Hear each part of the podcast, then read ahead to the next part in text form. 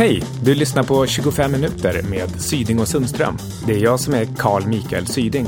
Efter 15 år som hedgefondförvaltare pensionerade jag mig för att lära mig mer om lärande, lycka, teknikutveckling och effektivitet. Ludvig Sundström är 26 år och jobbar med digitala strategier på internet samt driver en blogg och skriver böcker. 25 minuter är ett program på under halvtimmen där vi tar upp verktyg och inspiration för att stärka ditt välbefinnande och din ekonomi. Du hittar oss bland annat i iTunes, på Soundcloud och tradevenue.se.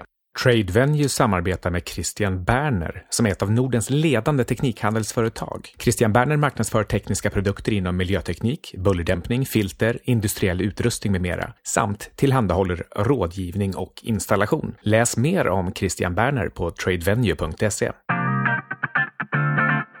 I det här avsnittet ska vi prata om tre stycken riktigt bra tankeregler. Tre stycken rakblad som vi använder oss av när vi tänker, om man ska vara lite lustig. Och det är tre stycken väldigt enkla men allmängiltiga beslutsfattningsregler. Och de är Ockhams rakblad, Hanlons rakblad och Ludvigs rakblad.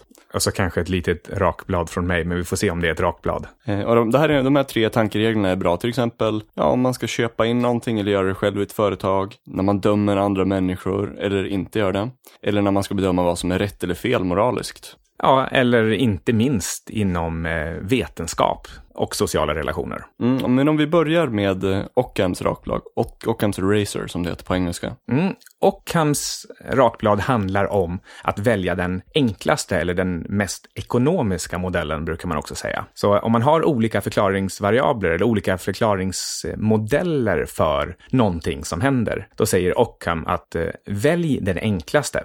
Ja, det finns en hel del smarta analogier på den här principen. Men innan vi går vidare till det så tänker jag så här, jag minns tillbaka en gång, det här var kanske två år sedan, när du och jag hade lärt känna varandra ganska nyligen. Sen var det någonting, vi hade en diskussion om sådana här memes, memer, det, det begreppet liksom, om, om varför det är ganska korkat. Och eh, då, då, skrev jag så här en massa olika förklaringar. Och så här, jag tror att det är en kombination av alla de här anledningarna till att folk ens säger det här. Och så sa du då, eller så är det så enkelt som att, sen har jag tyvärr glömt ditt svar, men just så här, ens. Ja, jag kommer inte heller ihåg, men det var, jag, jag tror att det var att eh, eh det var roligt helt enkelt. Alltså sådana här memes, en, en kul bild och en text. Det var, det, var så, det var roligt så att man fick en dopaminkick av det. Ja, men det var liksom, jag hade en väldigt avancerad förklaring till varför jag trodde det var så. Sen så, eller så är det så enkelt som att, och eh, om man, om man skulle kolla på det, då kan, kanske var mitt svar så här, några procent mer rätt. Men det tog mycket, mycket längre tid att komma på och det var ju ganska svårt att förstå. Istället för ett så här enkelt svar som antagligen var nästan lika rätt och jätteenkelt att fatta. Och just i det där fallet så hängde det ju knappast på om en rymdraket skulle ta sig fram till månen eller inte, så det behövde inte vara 100% rätt. Det var snarare Nej, det var... så att tidsaspekten var viktigare. Ja, precis. Det var fullkomligt onödigt egentligen. Det var bara en intressant nörddiskussion mellan oss. Men annars så så brukar just Ockhams rakkniv, den används i vetenskapliga sammanhang. Men det hindrar ju inte att man använder den själv i, i alla vardagliga sammanhang, så att man behöver inte eh, försöka fundera ut så himla komplicerade teorier över varför någon gör någonting eller varför det står en vägskylt på något särskilt ställe eller varför det är många byggarbeten i Stockholm just nu, mm.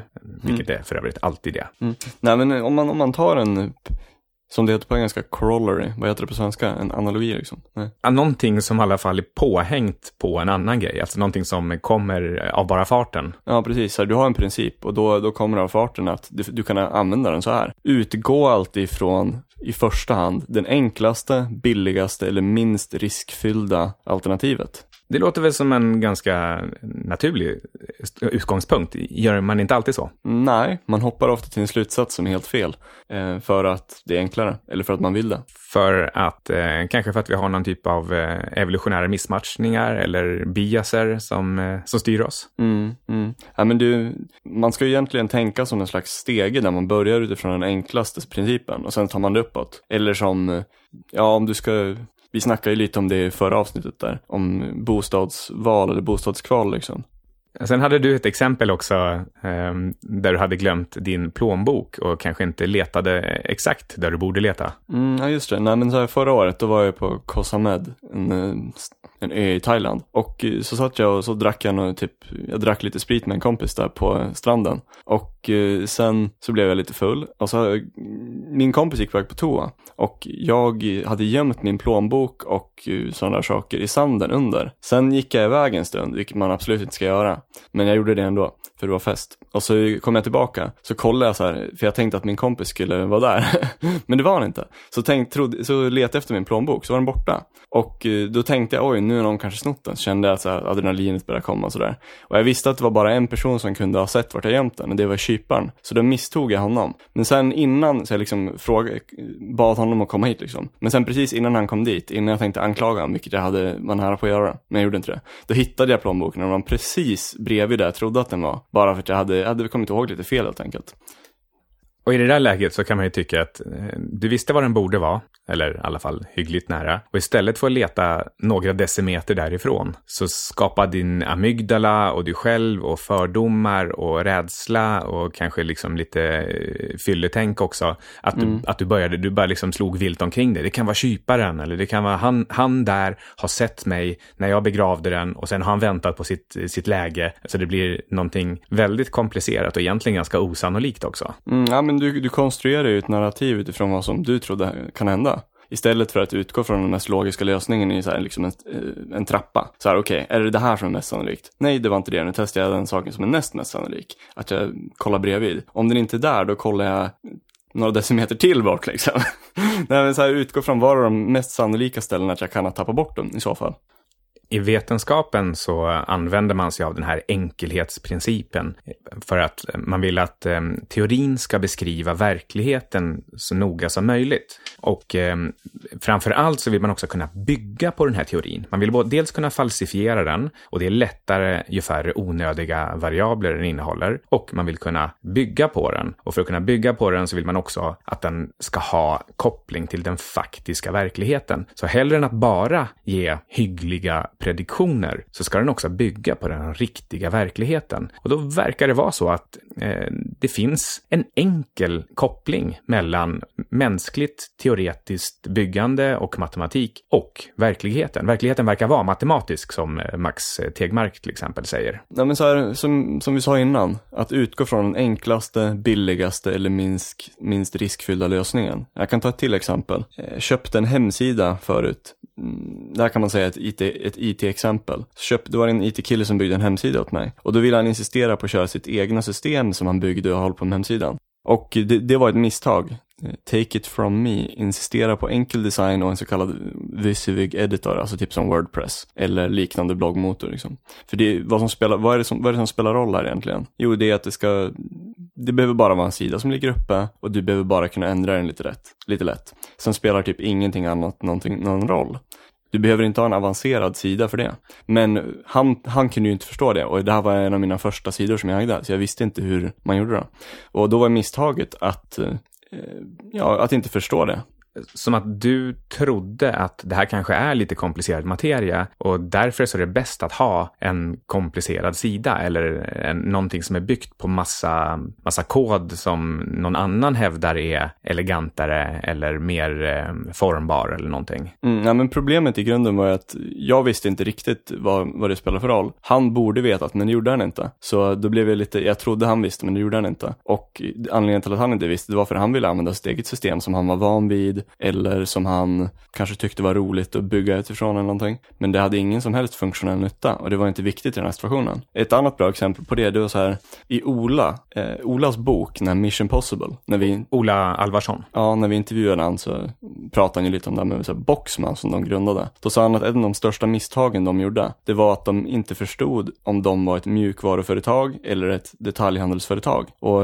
skillnaden där, det är att ett mjukvaruföretag, då spelar det kanske roll vad du har för liksom, Eh, system och mjukvara och sånt som du använder för kunden. Men de var ju inte det, så kunden bryr sig inte om det. De vill bara ha en CD-skiva som kommer fram. Det behöver inte vara svårare än så. Sen spelar inte hemsidan någon roll. Och det var ju lite samma sak i mitt fall här. Det var bara upp en funktionell hemsida. Det här knyter an lite grann också till det här som eh, vi pratade tidigt om, eh, om Ockham. Att eh, man vill att det ska beskriva den underliggande verkligheten. Mm, vad är den enklast möjliga lösningen? Utgå ifrån det. Och sen behöver det inte vara mer komplicerat. Sen kan man bygga på vidare. Men vad är den enklaste lösningen först? Och sen när du vet det, då kan du börja tänka på mer komplexa saker. Om man är på väg att bli påsåld någonting som verkar komplicerat eller någonting man inte förstår, då kan man ju åtminstone passa på att fråga varför ska jag ha den här specialkoden? Om jag bara vill ha upp en, en, en bild, en textruta och en knapp. Varför behöver jag då all den här andra flexibiliteten som du pratar om? Mm, ja, precis så. Ja, ska vi gå vidare till uh, Handlons Racer? Ja,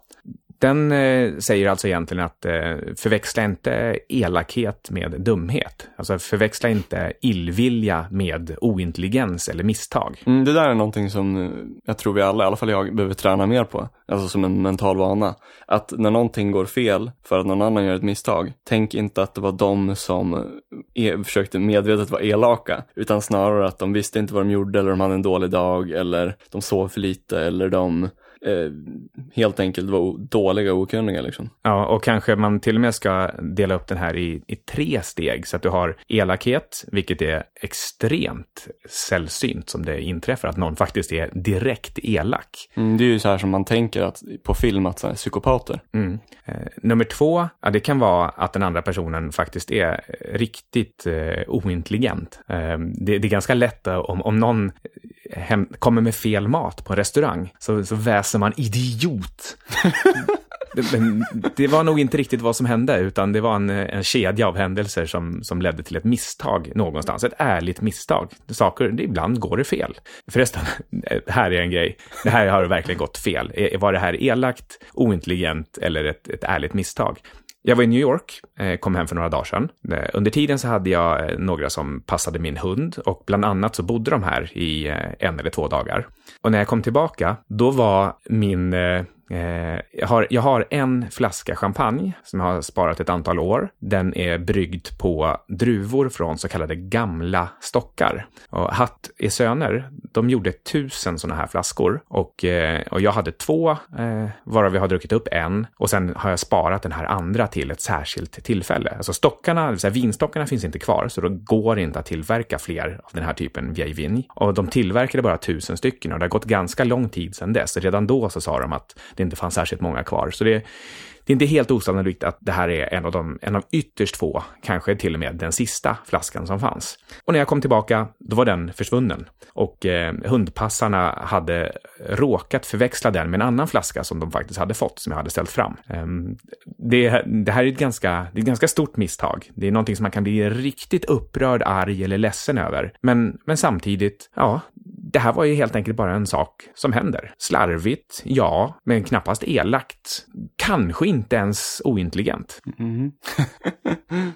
ja, det är lite som, eh, det finns ett citat från Marcus Aurelius som jag tyvärr inte kommer ihåg ordagrant för det är så himla långt. Men eh, budskapet är att eh, varje dag så kommer jag möta folk som är att påminna sig själv om varje dag att du kommer möta folk som är arga, lata och dumma eller som inte kan bättre och därför gör de misstag. Det där låter nästan lite grann som Jesus och hans eh, förlåt dem, ty de veta icke vad de göra.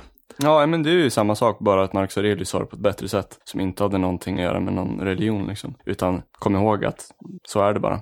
Den eh, gode Mackan Marcus, han säger tusentals, skulle jag säga, bra saker i sin bok Meditations. Den, jag tror man kan få tag på den gratis på nätet eller köpa den för 99 cent på, på Amazon om man nu vill ha den i till exempel Kindle-form. Den är lite tungläst för att den är lite, lite konstigt upplagd. Ja, jag, jag föredrar och rekommenderar den här ljudboken istället. Ja, du den... sa att den var väl uppläst. Och ja, en bra uppläsare och också mer tydligt när de övergår från en idé till en annan. Medan i boken så är det liksom allting kommer på en grej, så du måste verkligen koncentrera dig när du läser den. Medan om du lyssnar då är det lite lättare. Det finns den här boken, är det Marcel Proust eller någon sån författare som har skrivit en bok, Minnen från den tid som flytt. Jag tror att det är, det är någon kille som tittar ner när han rör om mjölken i kaffet. Och då, då tas han tillbaka i tiden, alltså rent tankemässigt, och så, så minns han massa saker. Mm. Boken är typ så här på 700 sidor och den innehåller ingen punktuation. Ja, det var ju ju väldigt originellt. Mm. Det är ett, eh, ett steg värre än eh, meditations.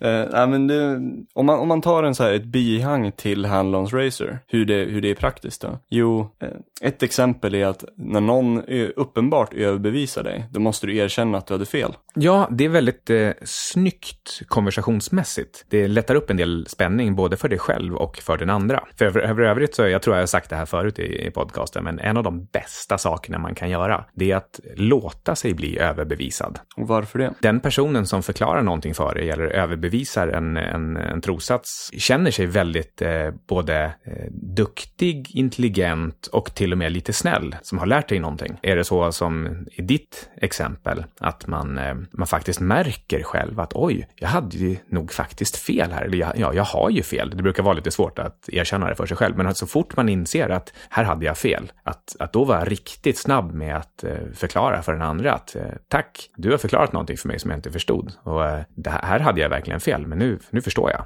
Mm, ja, men det där, det där kan ju vara bara rent generellt. Så det kan, många saker är ju svåra att veta nu för tiden, för det är komplext liksom. Och det finns många agendor som vill påverka, som vill sätta ut vissa budskap. Eh, så det är inte lätt att veta vad som är rätt eller fel liksom. Och då, då får man vara mer ödmjuk till att det är mer komplext. Och säga att man inte riktigt vet, men att man kanske har en hum eller tror någonting. Och säga att man tror någonting istället för att man vet det.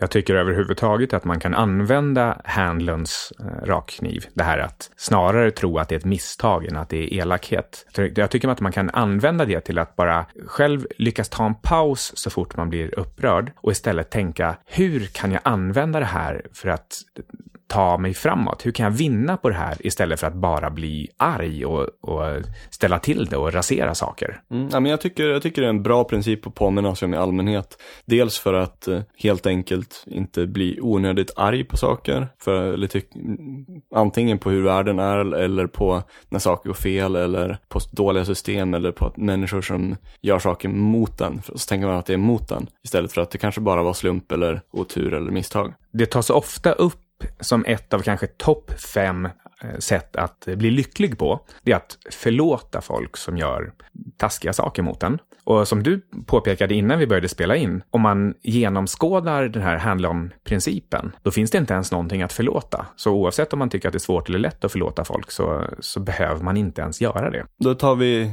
tredje rakbladet, vilket är mitt rakblad, Ludvigs rakblad. Och det säger, vilket är det mer homeostasvänliga alternativet? Menar du homeostasvänliga eller homeostasbrytande? Mm, jag skulle, nej, jag skulle inte säga homeostas, eller det kan vara både och, det där är faktiskt svårt. För det, det kan vara olika olika situationer. Men eh, hur menar du?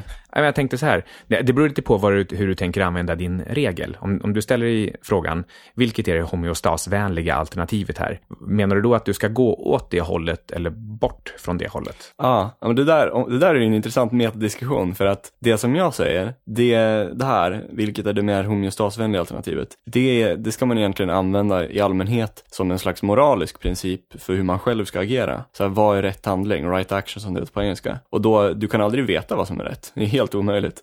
Men du kan spela losers game så att säga och undvika misstag och göra det som antagligen inte är fel. Och då kan du med sannolikhet göra rätt om du inte gör det mer homeostasvänliga alternativet och är lat eller gör det som är lätt. För det är oftast att du bara vill göra samma sak. Okej, så själva huv- principen var här, fråga sig vilket är homeostasvänligt och sen antagligen undvika det. Ja, exakt. Det, det där är ju kul för det blir lite det här winners game och losers game. Det du sa, det är mer winners game. Så här, hur kan jag bryta min homeostasen? Så här, förutsatt att jag vet vad jag ska göra, hur ska jag göra det på bästa sätt? Jämfört med, jag vet inte vad jag ska göra, men jag kan i alla fall göra mindre fel. Jag har en eh, ännu mer hedonistiskt präglad eh, livsregel. Och det är att ställa sig frågan, vad i varje situation ger mer uthållig njutning? Och eh, det är ofta faktiskt motsatsen till vad som ger en omedelbar njutning, eller högst omedelbar njutning.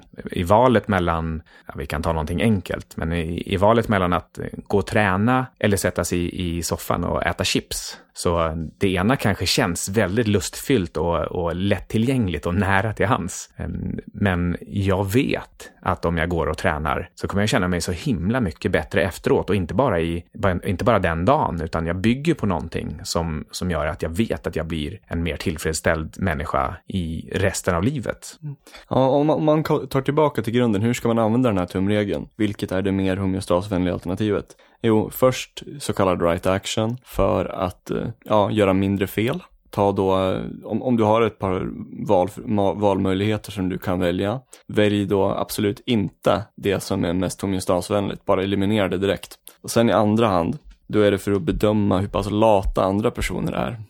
Jag kan tänka mig att eh, 17-åriga Micke Syding, han skulle gillat att gå i, i clinch här filosofiskt på något sätt och säga mm. så att, ja men antag att eh, jag verkligen inte vill, eh, vill mörda någon annan. ja, okej, okay, i så fall. Det, ja, det skulle nog ta emot en del. Så det är väl... Så, så och det är, det är så här dumma, extrema exempel. Egentligen så vill jag bara säga så att så alla sådana dumma, extrema exempel, om, om du som lyssnar liksom tänker lite åt det hållet nu, så tänk inte åt det hållet. Utan Nej, utan det här är ju direkt Lite mer vardagsnära. Liksom. Ja. Det är inte, hur kan jag veta sanningen? Utan det är mer, okej, okay, på vardagen, okej, okay, nu, nu har jag en to-do-lista med saker som, några saker som är viktiga och svåra. Okej, okay, vad är mest homeostasvänligt? Ja, de här grejerna. Okej, okay, då tar jag bort dem så väljer jag att göra det som är svårast. Bara för att det är mest utmanande.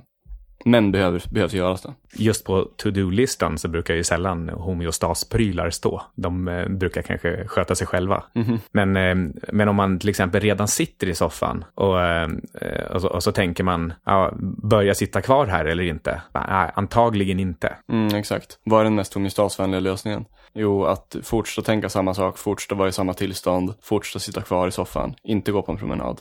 Men det är en eh, hårfin skillnad det här mellan att, att eh, försöka tänka hur kan jag ruska om mig, hur kan jag bryta, kontra hur kan jag sluta bara sitta kvar i homeostasen. Alltså det ena, det är så aktivt och tydligt och man måste nästan liksom ha en, en, en plan och liksom färdiga punkter på vad man kan göra. Mm. Medan det andra är bara, bara sluta med just det du gör nu som är så himla skönt och bekvämt. Mm, precis så. Ja, vad som helst annars. Du behöver inte egentligen bryta homeostasen. Du behöver inte göra någonting så himla extremt, utan bara, bara, bara sluta med det du gör. Ja, jag har en, eh, ytterligare en sån liten... Eh, eh, men det här kan förklara och förtydliga lite grann det här med uthållig njutning och omedelbar njutning, varför det kan stå i motsatsförhållande.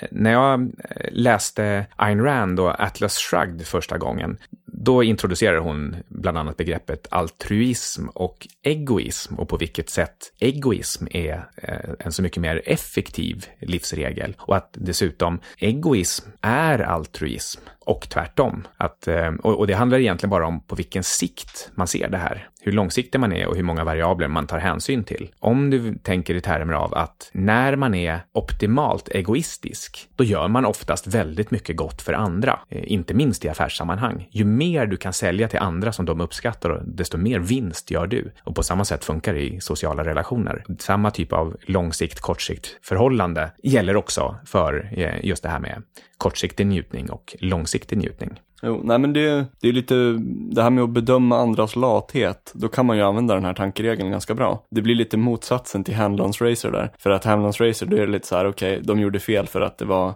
det var inte med avsiktlig elakhet. Svårt ord alltså. Medan i det här fallet, då, eh, så här, vad är det mest homeostasvänliga alternativet? Det är att, eh, ja, det är att inte tänka mer det är att eh, helt enkelt inte göra det som är svårt eller skrämmande eller nytt eller någonting som kräver någon slags förändring. Ja, som du säger, lättja och homeostas, det infaller ju också någonstans på den här Hanlon-skalan. Men det är, det är lite svårt att pinpointa. Bara för att någon annan är, är lat så är de ju inte varken elaka, nödvändigtvis ointelligenta eller har begått något misstag. Utan Nej. det är bara att de är overksamma. Nej, men jag kan, ge ett, jag kan ge ett riktigt praktiskt exempel på det här, där det faktiskt är bra också. Och det är om du köper saker via internet eller om du jobbar med outsourcers. Eh, Eh, eller eh, liknande saker. Då är det så här, väldigt ofta så de personerna är extremt lata. Så att de gör bara det, du, du måste väldigt tydligt specificera vad de ska göra, annars gör de det inte. Du kan inte bara säga så här, ja men jag skulle vilja göra ungefär det här. Då, då, för det kräver att de måste tänka ganska mycket för att de ska liksom förstå eller orka göra det. Utan då gör de bara absolut minsta möjliga. Men din poäng med hela den här punkten, är det att man ska iaktta andra, notera när de är fast i sin homeostas och tänka, hmm, det där kanske gäller mig också. Är det, är det så du menar? Att det är lättare att se när, när någon annan är fast och, och därmed så kan man också använda det för att liksom, spegla upp det på sig själv. Ja, både och. Både och. Uh... Eller menar du att man ska använda det för att vara lite schysst mot sina nära vänner och ge dem en spark i baken? Nej, jag tror inte de skulle uppskatta det. Men i det här fallet, just det jag sa med outsourcers där, då är det ju så här, okej, okay, okej, okay, då använder jag inte de där personerna för de är så jävla lata och dåliga. Men eh, däremot om de kanske hade gjort motsatsen och eh, uppenbart, som man säger på engelska, gone the extra mile, då är det ju en bra person som man vill jobba mer med. För att de har visat att de liksom bryr sig, eller i alla fall inte är lata. Ah, Okej, okay. nu förstår jag egentligen vad du, vad du går med det här. Så att eh, under den här punkten om eh, Ludvigs rakblad som utgår ifrån vad är det mest homeostasvänliga alternativet. Då har du punkt ett. Det gäller helt enkelt dig själv och hur du eh, kan göra rätt i ditt liv. Mm. Och del två, det är vilka vill du jobba med eller umgås med eller, eller på annat sätt hålla dig nära eller långt ifrån. Ja, det, det var fint sammanfattat. Mycket bättre än jag kunde göra. Eh, men ja, det håller jag med om. Ja, men det var allt vi hade idag, de här tre idéerna. Tre jättebra tankeprinciper som du kan använda på väldigt många olika situationer om du använder dem som liksom olika tankevanor. Och det är då Occam's Tracer, utgå utifrån den simplaste eller mest fundamentala lösningen, eller vad som är mest enkelt, minst riskfullt eller kostar minst. Nummer två är Hanlons Racer och det är att du inte ska blanda ihop illvilja och eh, ointelligens eller, eller misstag. Mm, sen nummer tre, det är Ludvigs Racer, vilket är utgå utifrån det var det mest homeostasvänliga alternativet där och gör sen inte det. Vilket just idag betyder att du ska gå in på tradevenue.se som producerar det här och ha i åtanke Johan Olsson som klipper. Mm, för det, det är svårt. Hej då.